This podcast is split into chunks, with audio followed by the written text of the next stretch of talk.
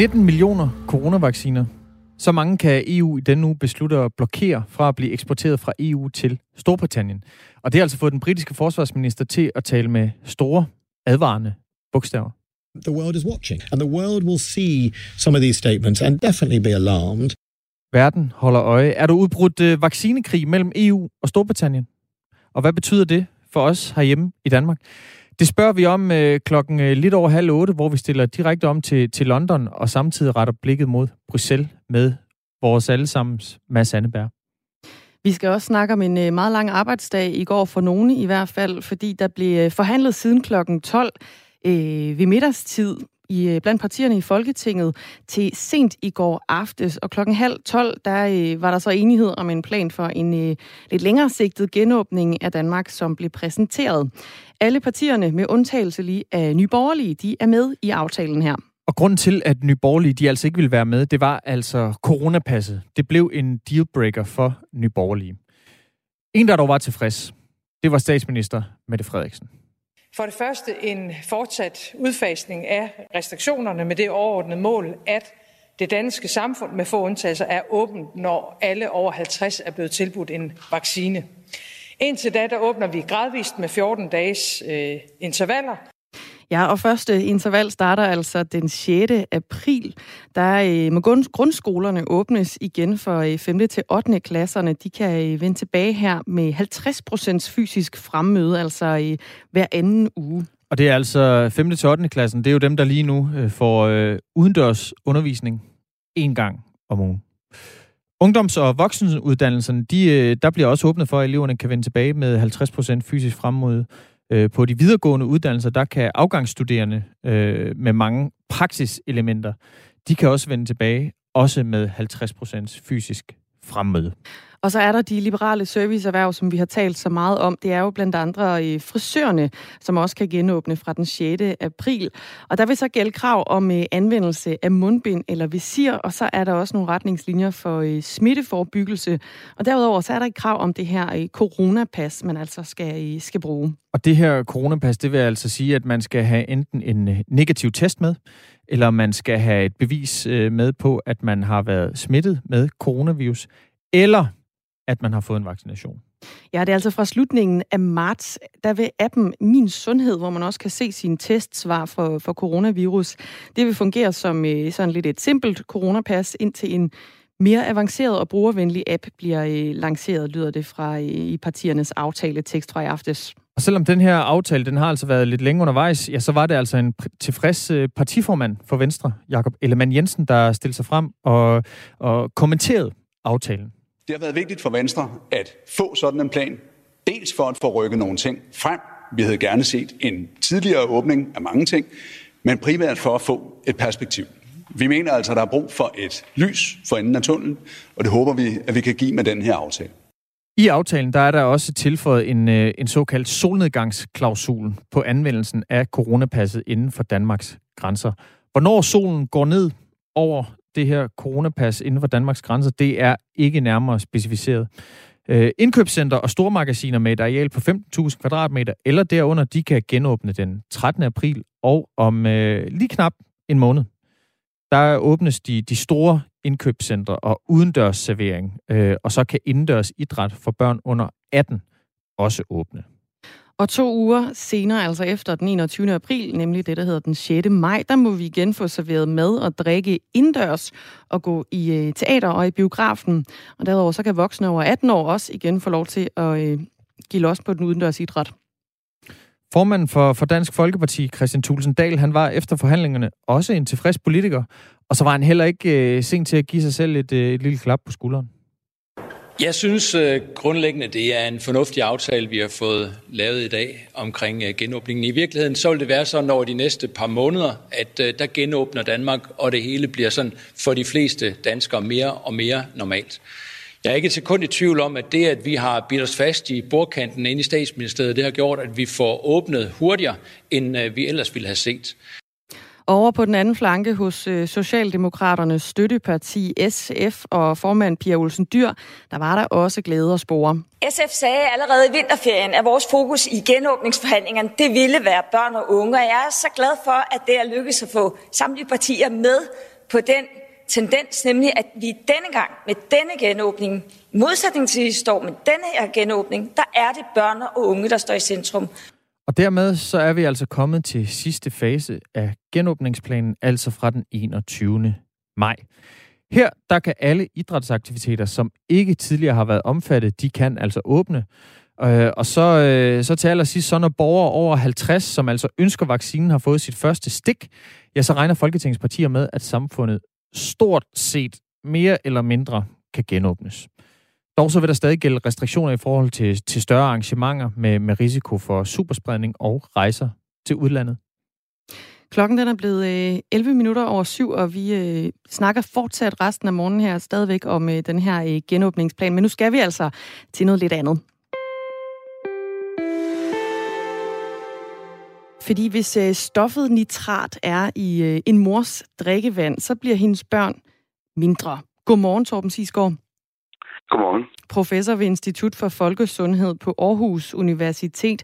Nu fik jeg skåret det en øh, smule firkantet op, men det er altså sådan cirka det, I har fundet ud af i en øh, ny stor undersøgelse, hvor du sammen med en række andre forskere har undersøgt 850.000 danske fødsler. Hvad er det, I gerne vil have, den her nye viden skal bidrage med? Øh, det vi først og fremmest vil bidrage med, det er at vise, at der stadigvæk er effekter af nitrat, selvom vi har det danske drikkevand på plads under grænseværdien. Og øh, det er jo lidt bekymrende, at vi kan se effekter af nitrat i drikkevandet hos øh, møderne øh, stadigvæk, selvom vi har øh, overholder de øh, nationale og internationale grænseværdier. Og så skal vi måske lige have helt på plads, inden vi går, øh, går videre. Hvad er det helt præcis nitrat, det er? Nitrat, det er et salt, som findes i drikkevandet, øh, som, er, som er øh, et ammoniumsalt. Og øh, det, det stammer overvejende fra landbruget, i, øh, når det kommer ned i drikkevandet. Og ifølge undersøgelsen her, der vejer babyer, der er født af mødre, som altså har drukket vand med et indhold af nitrat, der holder sig inden for grænseværdierne gennemsnitligt 10 gram med mindre. Øh, og så er de også lidt kortere end babyer, der er født øh, af mødre med mindre nitrat i vandhanen. Så altså lidt kortere og 10 gram lettere babyer. Hvor, hvorfor er det et problem, når der ikke er tale om mere end det? Jamen, det er i sig selv ikke noget problem at miste 10 gram for, for langt de fleste børn det, det handler om, det er, at dem, dem som i forvejen er sårbare, som udsættes for det her, kan miste de, de 10 sidste gram, som gør, at de har en bedre øh, prognose for at, at få et godt liv som barn og voksen. Det vi ser i andre undersøgelser, det er folk, som lider, øh, eller børn, som lider af, af forskellige ting i barnealderen, de har større problemer senere. Så det vi tænker, det er, det for folkesundheden vil være godt at få øh, drikkevandsniveauet af nitrat lidt længere ned. Når det er sagt, så er der jo store øh, effekter af øh, møders øh, rygning under fødslen. Så når, når man tænker på, hvad man skal gøre for at få øh, børn, som har den rigtige størrelse, så er det øh, vigtigt at holde op med at ryge, end det er at tænke på sit drikkevand. Øh, men hvad, hvad, hvad er det helt for nogle, altså konkret for nogle konsekvenser, det kan have for børnene, at de er lidt kortere og 10 gram lettere? Det skal jeg lige være helt med på. Jamen, det betyder, at, øh, at de får en lidt sværere start på livet, og det kan forfølge dem resten af livet. Men ikke, men ikke, ikke den, dem, der ligger i midten, men dem, der ligger højst op. Og hvad, dem, der har den laveste øh, følelsesvægt i forvejen. Og hvad, hvad er det, hvordan kan de forfølge dem resten af livet? Jamen, det, det handler om, at øh, det, er, det kan have påvirkninger på organer, som vi ikke kan se. Øh, men, men det følges ofte med en lav fødselsvægt. Der findes... Vi kan ikke se det ved fødslen, men vi kan først se det senere. Der findes øh, i Danmark et øh, såkaldt nitratbælte. Det løber fra øh, Djursland og så op mod Aalborg. Her er nitratindholdet i drikkevandet særlig højt. Kan man se det her tydeligere i det her øh, bælte, Torben Sisgaard?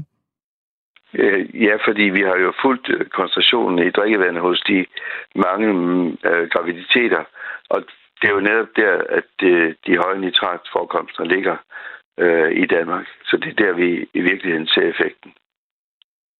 Og tidligere der har forskere på øh, Aarhus Universitet også påvist, at nitrat i drikkevandet også kan være skyld i, øh, i tarmkræft hos, øh, hos mennesker.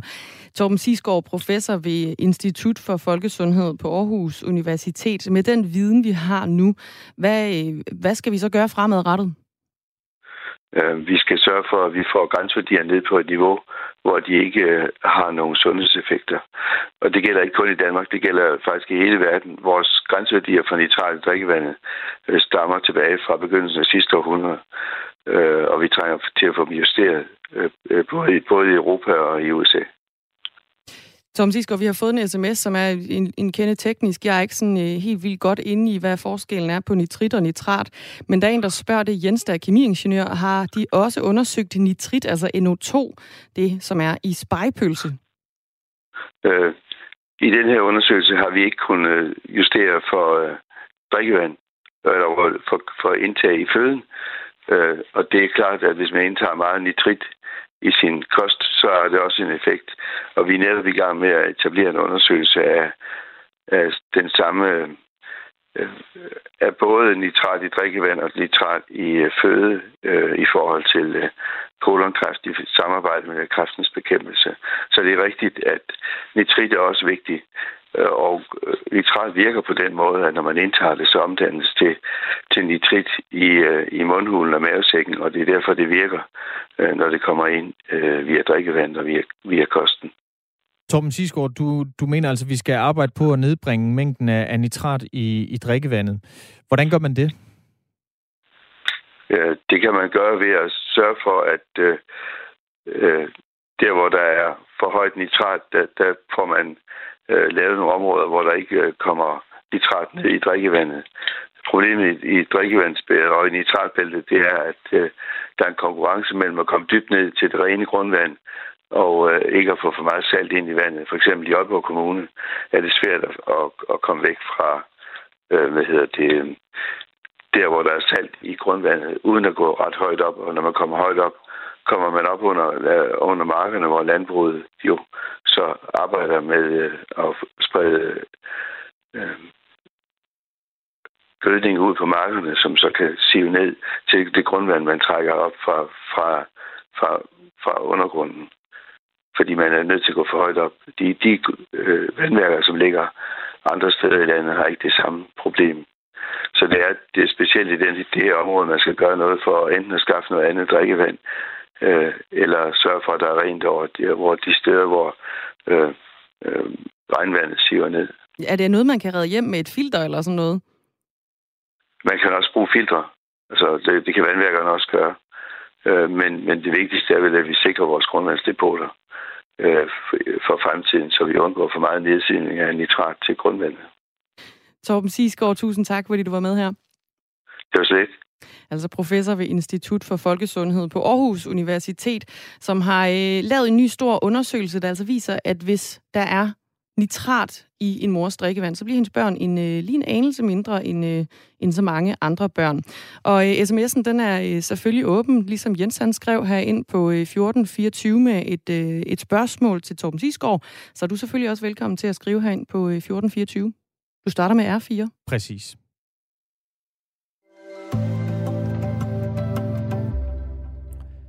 Der er en øh, genåbning af Danmark i sigte, men måske ikke lige i et tempo, som øh, tilfredsstiller alle. Eller hvad, Jakob Birkbøl, økonomidirektør i øh, Rødovre Centrum? Øh, nej, øh, vi, øh, vi har selvfølgelig håbet på, at vi kunne være med her den øh, 6. april øh, og øh, få åbnet vores butikker, øh, så de kan konkurrere med alle de butikker, der er allerede åbnet den 1. marts. Du havde altså set frem til, at storcentre som, som dit eget kunne få lov til at, låbne, til at åbne inden øh, påsken. Men øh, det lød altså sådan her fra statsminister Mette Frederiksen i går. Og så åbner vi også for liberale erhverv. Så går der en, en uge, der vil så være en yderligere genåbning for mindre butikscentre. Altså mere præcis, så kan indkøbscentre, stormagasiner og arkader, som har et areal på 15.000 kvadratmeter eller derunder, de kan altså åbne omkring den 13. april. Og de store indkøbscentre og store magasiner. De må altså vente til den 21. april for at genåbne, og med mere end øh, 75.000 kvadratmeter, så er Rødovre Centrum jo blandt dem, som må vente lidt længere. Øhm, hvad kommer det til at betyde for Rødovre Centrum?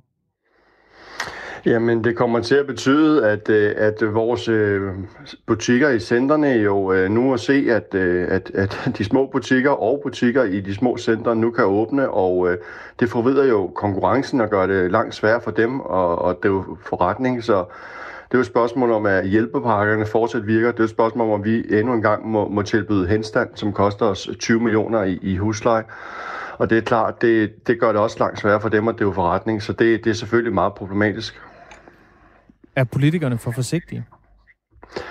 Jamen altså, vi, vi, vi har jo ikke hørt om noget som helst evidens for, og læst os til, at der er noget evidens for, at der skulle være smitte i storcentre. Øhm, og når vi så har sagt hele tiden, at lad os nu sprede handlen ud, så vi, så vi ikke samler handlen, så mener vi, og det har vi også hørt hele tiden, at afstand er det stærkeste våben, så har vi, har vi svært ved at forstå, at, at, at den her åbning ikke skulle øh, tilgodese øh, en branche mere samlet, i stedet for de her, den her øh, forskelsbehandling gang på gang, som det her jo også er, at, at vi nu endnu en gang må, må, må vente, mens andre har åben. Det, det, det er svært for os at forstå, fordi vi synes, det virker ulogisk. Tidligere på morgen, der talte vi med Jakob Brandt fra SMV Danmark, altså brancheorganisation for, for stor, øh, små og mellemstore virksomheder i, i Danmark. Og han var meget skeptisk over for det her med, at man skal have en øh, negativ coronatest eller være vaccineret øh, for at kunne få adgang til de her mange forskellige øh, liberale erhverv. Er det en øh, skepsis, du deler? Jamen, altså, den, den, den rammer os jo ikke helt på den samme måde, men vi har også liberale erhverv i centret, og det er klart, at, at, at, at, at at for dem vil det blive ramt, og den, og den skepsis deler jeg også, fordi at, at det er jo klart, det er en adgangsbarriere, men altså de fleste øh, i vores center er normale butikker inden for detaljbranchen, altså tøj og sko med videre, øh, og de, som udgangspunkt, med jeg har læst, bliver de ikke ramt. Men det er klart, vi har også nogen i den kategori inden for liberale erhverv, og øh, jeg deler også den bekymring, det gør jeg. I har jo altså efterlyst, øh, det er i hvert fald øh, det, man har hørt både brancheorganisationer, men vi har også talt med mange forskellige virksomheder her på Radio 4 morgen øh, det, det seneste år, som altså fortæller, at noget, noget af det værste for virksomhederne, det er uvidshed. Nu har I trods alt fået vidshed, øh, Jakob Birkbøl. Hvad betyder den vidshed? Jamen den er, altså nu læser jeg mig faktisk også til, der står som udgangspunkt øh, åbnes der øh, øh, den, den, den 21. Men, men jo, der er der en større vidshed nu, og det betyder, at, at både for butikkerne og også, også som udlejer, kan man, kan man forhåbentlig stole på, at, at, at det er den her dato, og så kan vi navigere efter den. Det vil sige, de ting, som vi hele tiden har udskudt, vil vi nu lade være med at udskyde til mere end den 21. april. Men det er klart, hvis det pludselig ændrer sig, så er det jo, så er det jo en, en stor omvæltning, som, som er, er til gene for os. Men, men det, det vidshed giver selvfølgelig en bedre måde at kunne øh, styre virksomheden på. Det er helt klart. Hvad er det for et, øh, et arbejde, der skal i gang nu i, i Rødovre Centrum? Ja, men altså, øh, desværre skal der jo ikke så, så meget i gang lige nu, fordi nu, nu må, må vi jo udskyde mange ting to uger. Øh, så så øh, nu skal vi også lige samle os igen og, og forstå, hvorfor det her det egentlig er rimeligt med den her yderligere forskelsbehandling, både i forhold til små butikker og nu også små centre. Og så er det bare op på hesten igen, og, og, øh, og så, så, øh, skal, så må vi se frem til den 21. april, det er helt sikkert. Jakob Birkbøl, øh, er der noget, jeg mangler at spørge om? Noget, du er skeptisk øh, nej, nej, overfor? Det...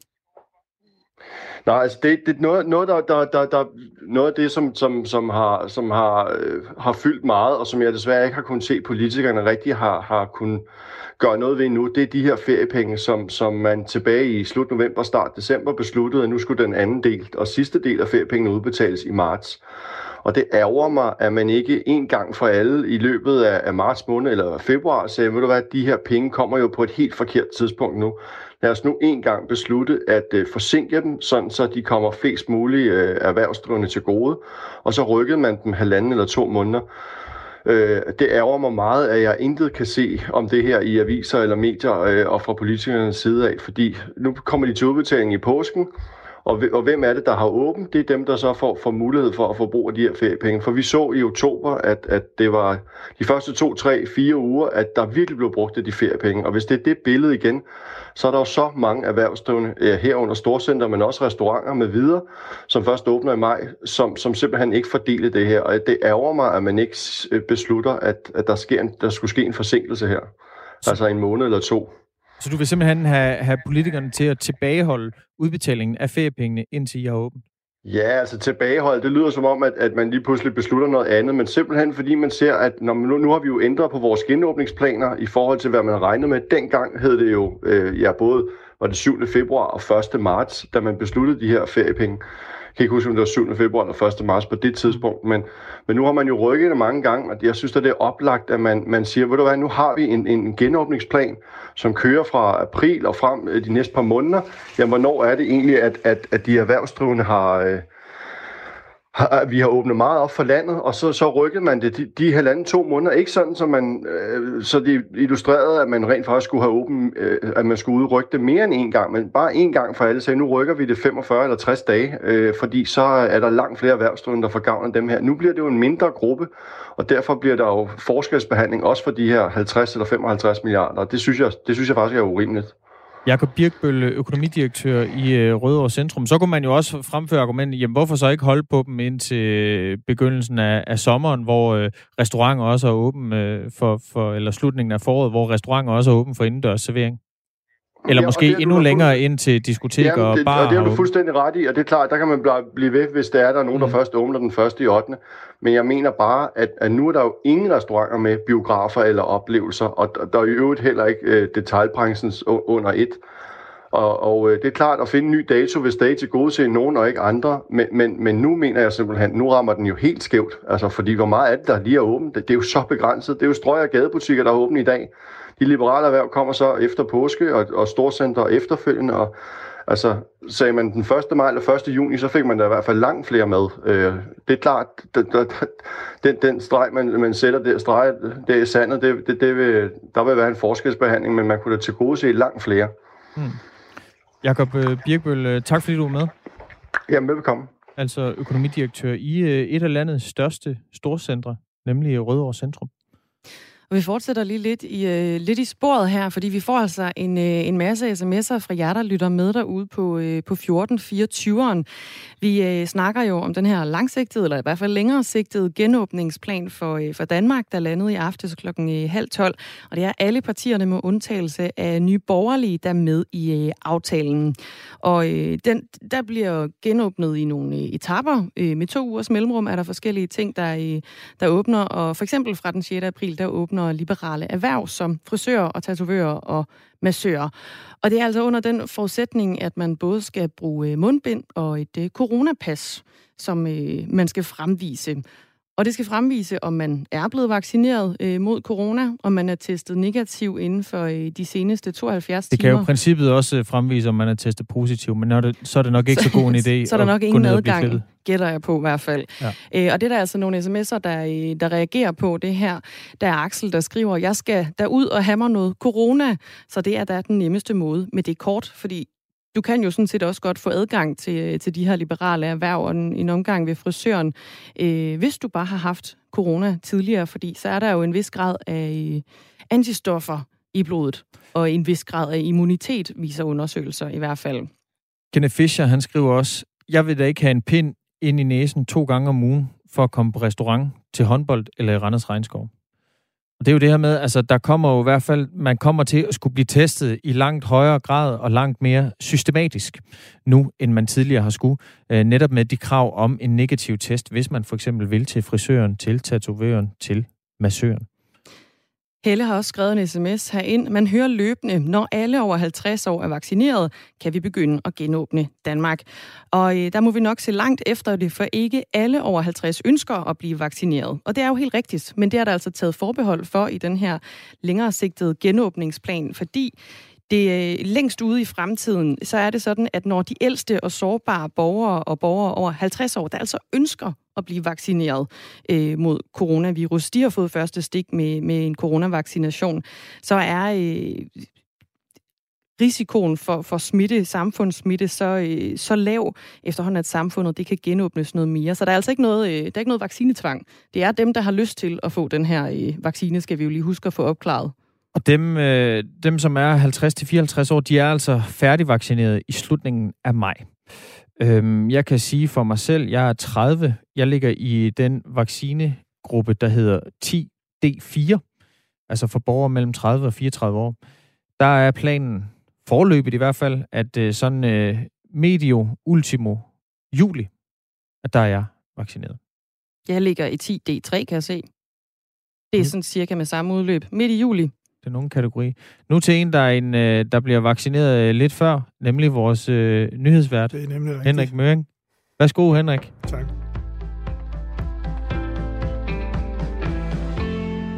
De fleste restriktioner vil blive ophævet, når borgere over 50 år er vaccineret. Det ventes at ske i slutningen af maj måned. Det siger statsminister Mette Frederiksen om den langsigtede genåbningsplan, som blev aftalt i går. Vi har nu en bred politisk plan, der giver danskerne mere af hverdagen tilbage. Men forudsætningen for, at den plan kommer til at holde, det er, at vi alle sammen, hver for sig og til sammen, bliver ved med at gøre alt, hvad vi kan for at holde smitten ned lidt tid endnu. Dermed kan borgerne nu se en ende på hovedparten af restriktionerne. Venstres formand Jakob Ellemann Jensen glæder sig over, at der nu bliver sat datoer på de vigtige dele af genåbningen. Vi havde gerne set en tidligere åbning af mange ting, men primært for at få et perspektiv. Alt i alt, så har vi haft nogle forskellige synspunkter på det her, men vi får en plan, og vi får et perspektiv, og vi har noget, hvor vi kan slå op i og se, på et tidspunkt, så bliver det også min tur. Den store forårsåbning kræver dog, at vaccinerne bliver leveret i det forventede tempo. Samtidig skal smittetallene udvikle sig som forventet. En bred politisk aftale om genåbning sender flere børn og unge tilbage i skole efter påske. Desuden kan liberale erhverv som frisører også genåbne for borgere, der er vaccineret eller har negativ coronatest. Aftalen sikrer, at blandt andet eleverne i 5. til 8. klasse kan komme i skole med fysisk fremmøde hver anden uge. Det samme gælder ikke afgangselever på ungdomsuddannelser. Alle sammen kommer tilbage. Det tror jeg betyder, at folk begynder at glæde sig. At, øh, at madpakkerne bliver smurt, og skoletaskerne bliver pakket. Sagde SS formand Pia Olsen Dyr sent i aftes. Det tror jeg, der er rigtig meget forventning i, men også, at, øh, at det giver en tryghed i dagligdagen, at man nu ved, at man skal se sine kammerater. Af aftalen fremgår det også, at alle afgangsstuderende på videregående uddannelser med mange praksiselementer kan vende tilbage med 50% fysisk fremmøde. Øvrige studerende på videregående uddannelser kan vende tilbage med 20% fremmøde. Alle Folketingets partier på nær nye borgerlige er en del af aftalen. Efter påske er det igen muligt at blive eksempelvis klippet eller tatoveret. Det kræver dog et coronapas, der enten viser en negativ coronatest, at man er vaccineret eller kan påvise, at man tidligere har været smittet med coronavirus. Børn under 15 år er dog undtaget. Fra slutningen af marts vil appen Min Sundhed fungere som et simpelt coronapas, indtil en mere brugervenlig app bliver lanceret. I aftalen er der dog tilføjet en solnedgangsklausul på anvendelsen af passet. Også mindre storcentre kan se frem til at åbne igen en uge efter påske. Det er jeg sådan set rigtig godt tilfreds med. Siger konservativs formand Søren Pape Poulsen. Og ja, så skal der bruges et såkaldt coronapas øh, i begyndelsen til rigtig meget. Det kan man godt problematisere. Man kan også bare glæde sig over, at nu får vi Danmark åben, fordi vi bruger det. Jeg synes, det er en super god aftale. Danmark kigger ind i en åbning, hvor alle andre kigger ind i en lukning ude i Europa. De store indkøbscentre og stormagasiner må vente til den 21. april med at genåbne. Tysklands coronanedlukning bliver forlænget til den 18. april for at dæmme op for en ny smittebølge, det siger forbundskansler Angela Merkel på et pressemøde i nat. Den britiske variant, som er blevet dominerende, betyder ifølge kansleren, at Tyskland nu står i en ny pandemi. Overvejende tørt og mest skyde 5-10 grader og svag til frisk vind omkring vest.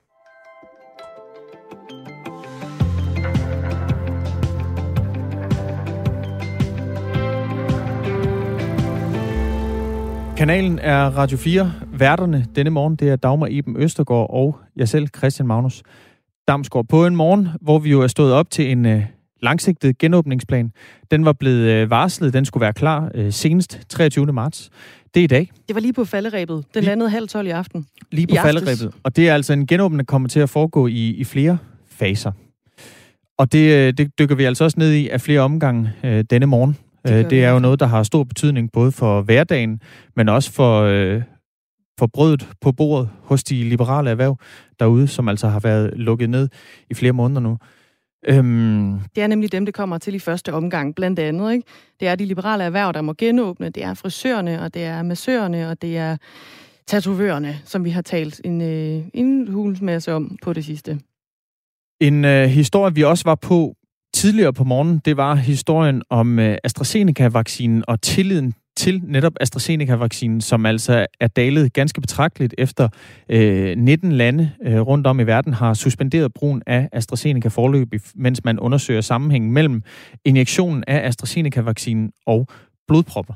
Og nu har øh, Statens Serum Institut altså øh, i forbindelse med det her anbefalet en ny vaccineteknik, efter man har øh, efter man har fundet de blodpropper her. Øhm, der er altså flere læger, som i, i sundhedspolitisk tidsskrift har luftet en tese om, at vaccineteknikken kan være årsag til sjældne, sjældne tilfælde af blodpropper. Statens Serum Institut, de har anbefalet, de anbefaler nu sådan en bestemt teknik til at vaccinere mod coronavirus, øh, og det er altså en teknik, som Serum Instituttet ikke tidligere har anbefalet. Og det drejer sig om aspiration aspiration, det er det, man gør, når du injicerer, øh, når du sætter kanylen ind i skulderen på et menneske, og så skal man lige trække stemplet i kanylen lidt tilbage, for at se, om man har ramt en, en blodår. Øhm, og det er altså ikke noget, øh, Statens Serum Institut tidligere har anbefalet. Altså det her med, at man trækker stemplet øh, tilbage under vaccinationen. Hvis der så kommer blod op i stemplet på kanylen, så kan det betyde, at nålens hoved det har ramt et blodkar i stedet for en muskel. Den skal jo altså injiceres i en muskel, øh, den her øh, vaccine. At øh, Statens Serum Institut ikke anbefaler aspiration, eller ikke har gjort det tidligere, øhm, øh, det, det skyldes altså, at, øh, at aspiration, altså det her med at trække tilbage i stemplet, det kan forlænge vaccinationstiden, altså den tid, det tager at blive vaccineret, og så kan det altså også være forbundet med smerte. Det fremgår af en mail, som øh, Statens Serum Institut har sendt til TV2. Og den her nye øh, anbefaling fra Statens Serum Institut, den gælder altså kun for øh, coronavacciner, og altså ikke andre vacciner. Og det, der er lidt pudsigt, det er, at, øh, at statens øh, sludrøvl, at, at Sundhedsstyrelsen, de har hele tiden anbefalet det her. Det er altså nyt, at øh, Statens Serum Institut, de anbefaler det. Vi prøver her til morgen at få fat på Statens Serum Institut. Det er naturligvis en historie, vi gerne vil øh, ja, finde lidt mere ud af om. Vi har simpelthen vi har lagt en tråd ud og, øh, til Statens Serum Institut, og de er ved at undersøge, om der er nogen, der kan være med her i, øh, i Radio 4 morgen i dag.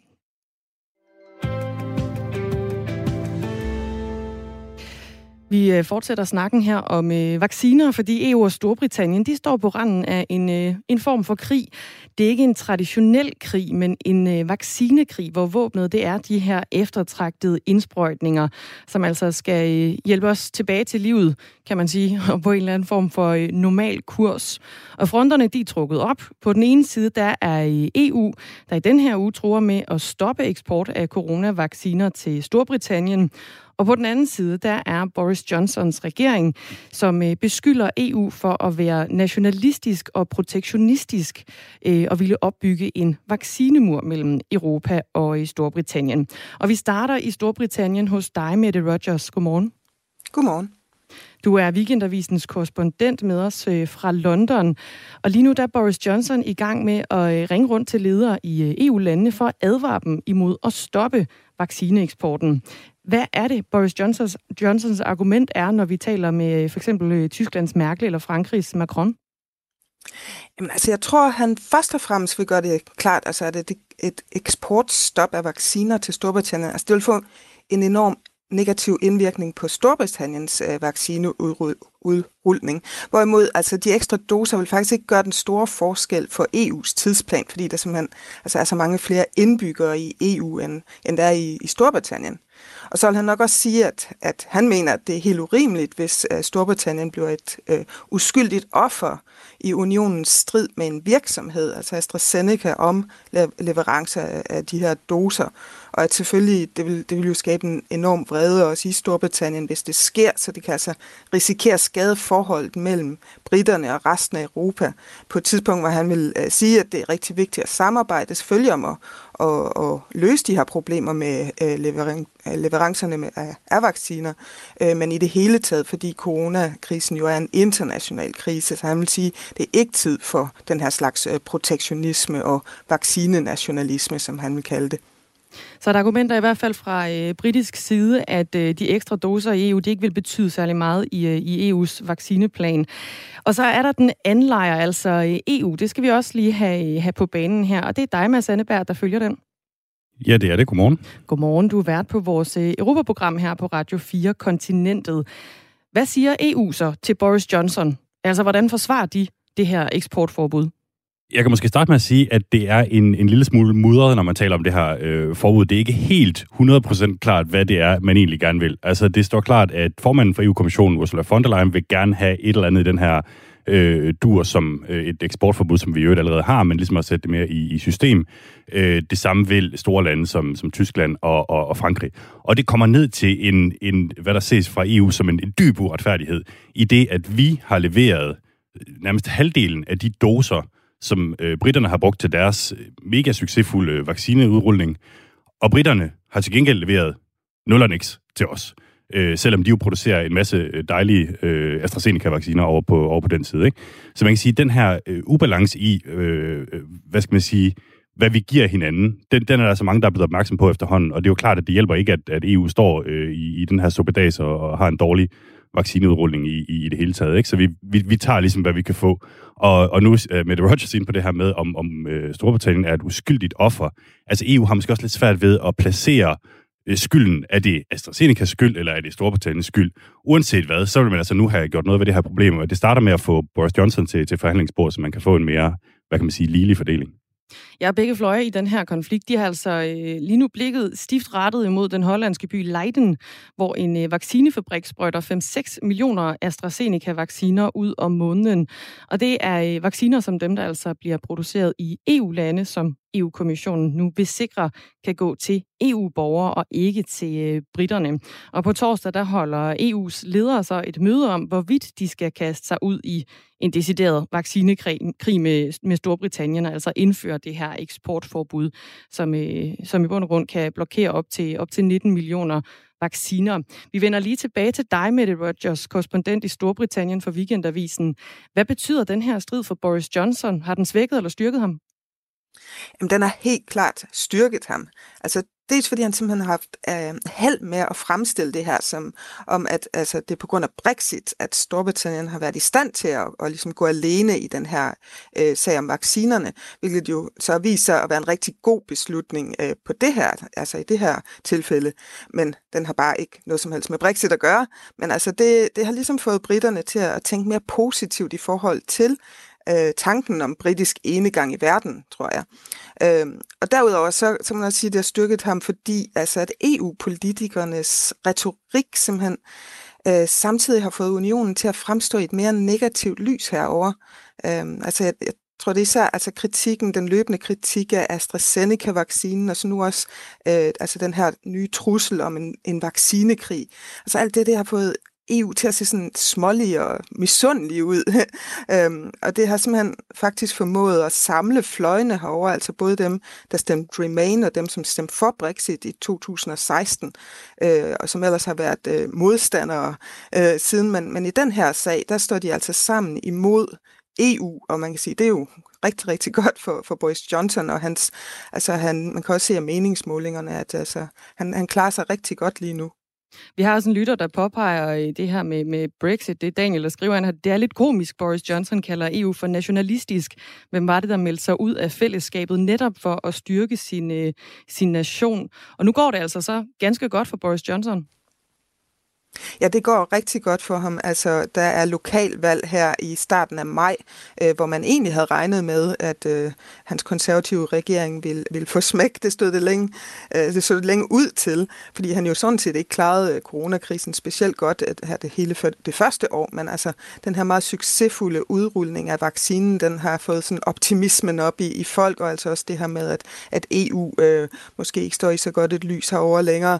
Altså, det har faktisk styrket ham og hans parti i meningsmålingerne op til det her valg.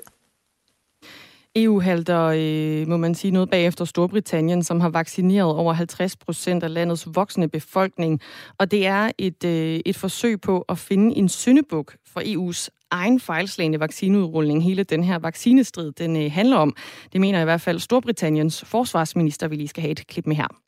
I think the EU Commission is under tremendous pressure. I think if you're an EU citizen right now, you're wondering, uh, despite all the rhetoric, why you haven't had a vaccine and why the United Kingdom has vaccinated over half the adult population. Uh, and I think those politicians in Europe are under tremendous domestic pressure, uh, and uh, I think that is making them say things. Er politikere i EU, altså for eksempel øh, her i Danmark eller i Tyskland og Frankrig osv., de er under et, øh, et må vi sige, et, et, et stort pres fra deres egen befolkning, som altså er utilfredse. Og øh, det pres, det får dem til at sige ting og sager, lyder det fra, fra forsvarsminister Ben Wallace i den, til den britiske radiostation LBC. Og øh, Mads Anneberg, hvis du skal prøve at tage EU's perspektiv i den her strid, hvorfor er det så ikke rigtigt, at EU nu tror med en øh, vaccinekrig for at finde en, jamen, en syndebuk i øh, en mislykket vaccinestrategi? Altså, man kan nok godt gå så langt som til at sige, at hvis vi havde en virkelig succesfuld vaccinestrategi her i EU, så var vi nok ikke øh, kommet helt så langt op i det røde felt over de her øh, doser, som øh, Storbritannien ikke rigtig vil, vil dele med os. Så selvfølgelig er der en sammenhæng mellem de to ting.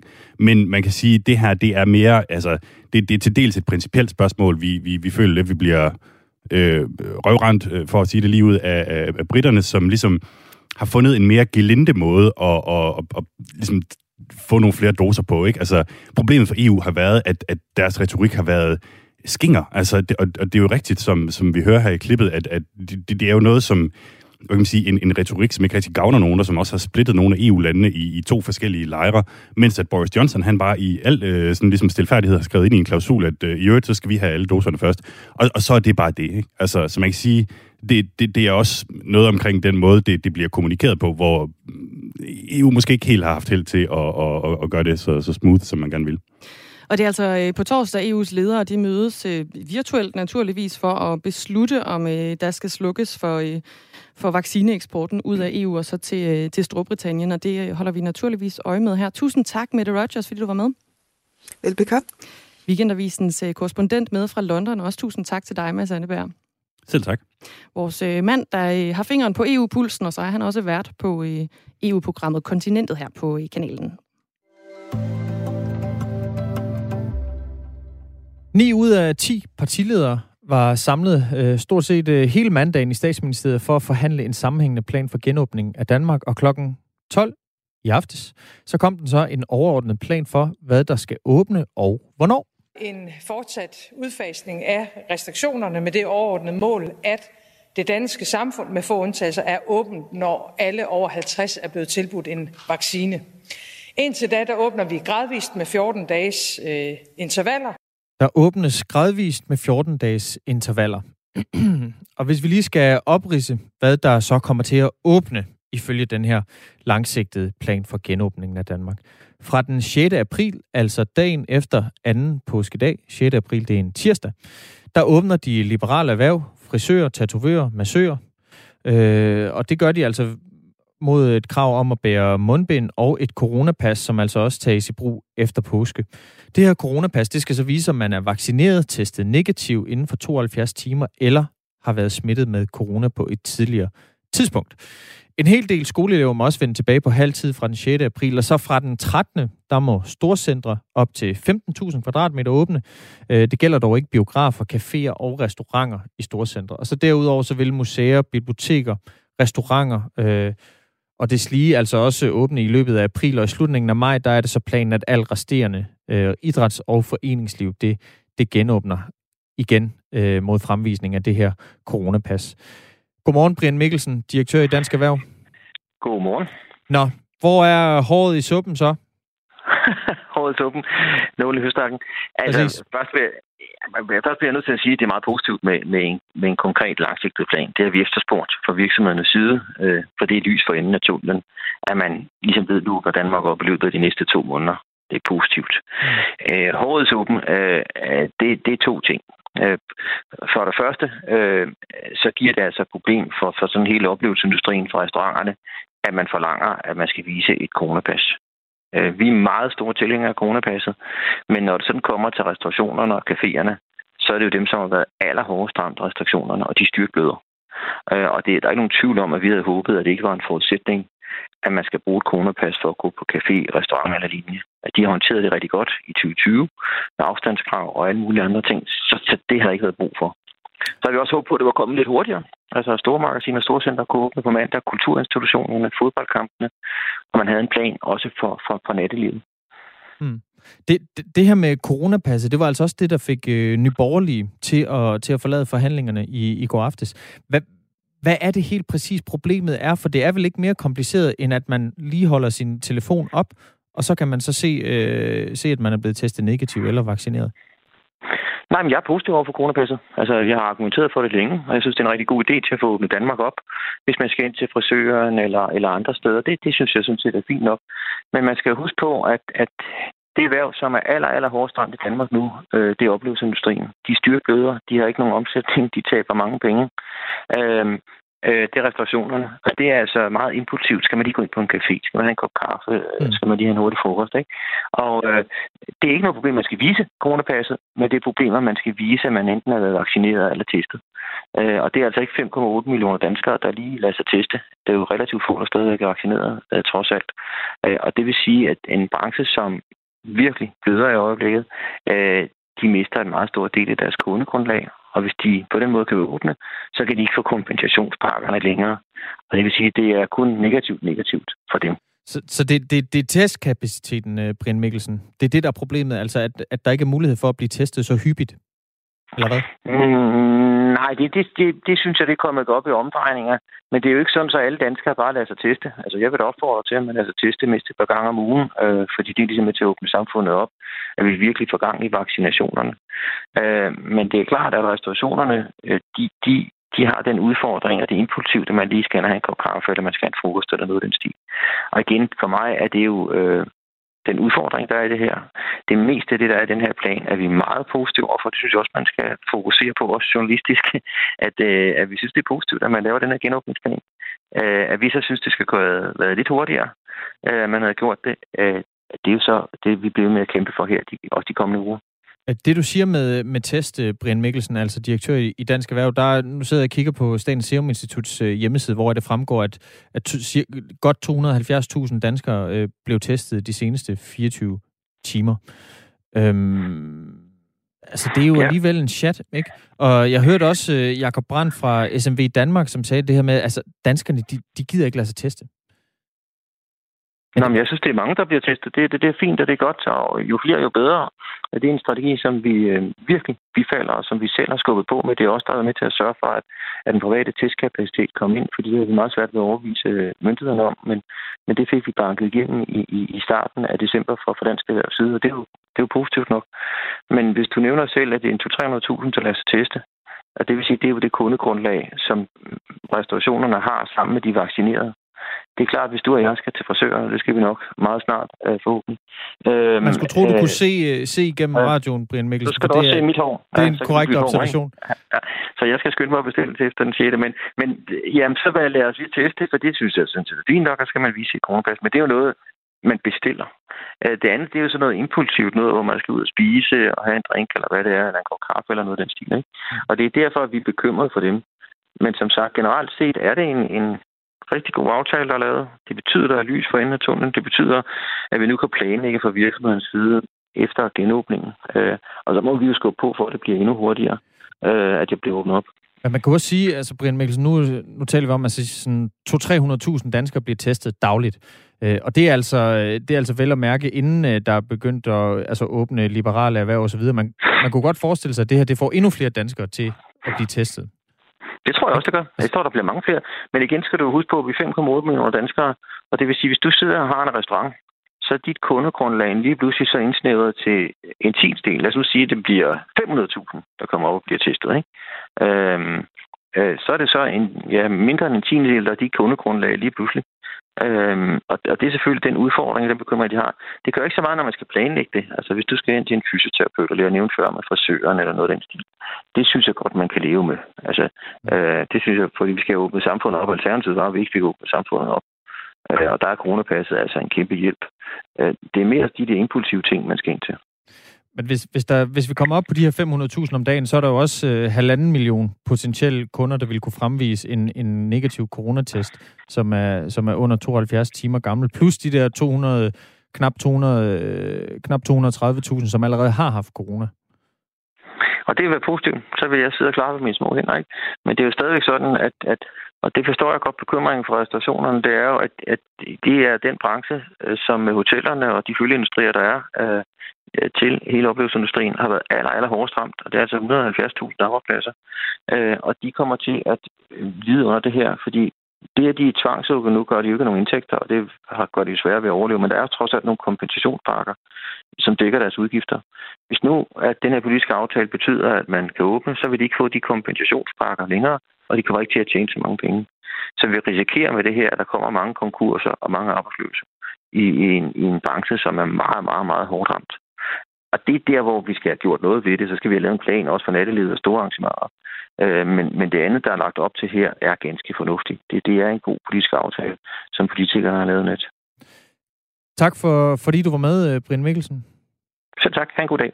I lige måde. Altså okay. direktør i, i Dansk Erhverv, som altså overvejende var positiv over for, for aftalen, men som altså også har en vis skepsis over for det her øh, coronapas, og en frygt for, at der simpelthen ikke er nok danskere, der kan blive testet, sådan så de kan komme ind og bruge penge i de danske butikker. Og nu øh, skal vi til øh, Storkenyt.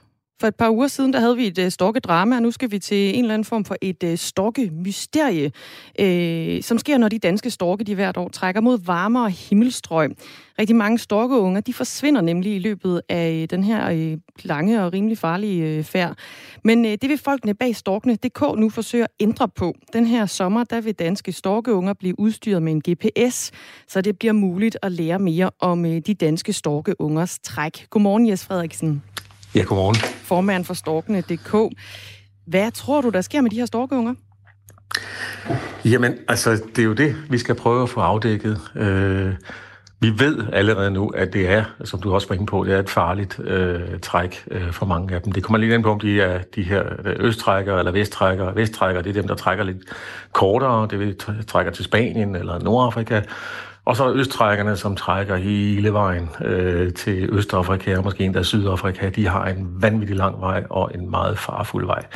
Og det er nok der, hvor vi øh, vil se nogle overraskelser og, og måske også blive lidt klogere på, eller forhåbentlig blive meget klogere på, hvad der sker med de her storke på deres træk. Ja, Storkene.dk, I samarbejder med Statens Naturhistoriske Museum om, øh, om projektet her.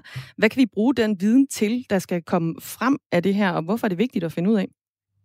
Jamen, først og fremmest så skulle vi jo gerne, øh, altså vi, vi, det vi gerne vil for, først og fremmest for at vide her med det her projekt, det er sådan set, som jeg var inde på, hvad er det, der sker med storkene? Og, og når vi ser, at hvor det er, de dør henne, det kunne være, øh, det kunne være i Mellemøsten, øh, hvor vi ved, der er noget jagt i Libanon blandt andet, øh, og ulovlig jagt naturligvis på, på blandt andet storke. Men det kan også være i, i, i Tyrkiet, hvor vi også ved, der er store vindmølleparker, hvor øh, storkene ryger ind i dem. Øh, og, og andre steder, hvor vi så sammen med de lokale øh, kunne måske øh, gøre et eller andet for at få organiseret noget afhjælpning, øh, sådan så at man kan undgå, at det sker. For det er virkelig mange fugle, det drejer sig om. Og helt konkret, altså hvordan øh, fungerer det, når der skal sættes en GPS på en, øh, på en storke? Det er jo relativt små storkeunger. Hvordan gør man det? Ja, de er nu ikke helt små. Det er faktisk lige før, de, øh, de flyver fra redden, øh, så de har en, øh, en god volume. Men det foregår simpelthen ved, at man, man sætter, forestil dig en, en, en, rygsæk, som du lige sætter på dig selv. Så den her rygsæk, den indeholder så en, en lille tinder, som sidder på ryggen af storken, og den er, en, på større, ja, den er faktisk mindre end en tændstikiske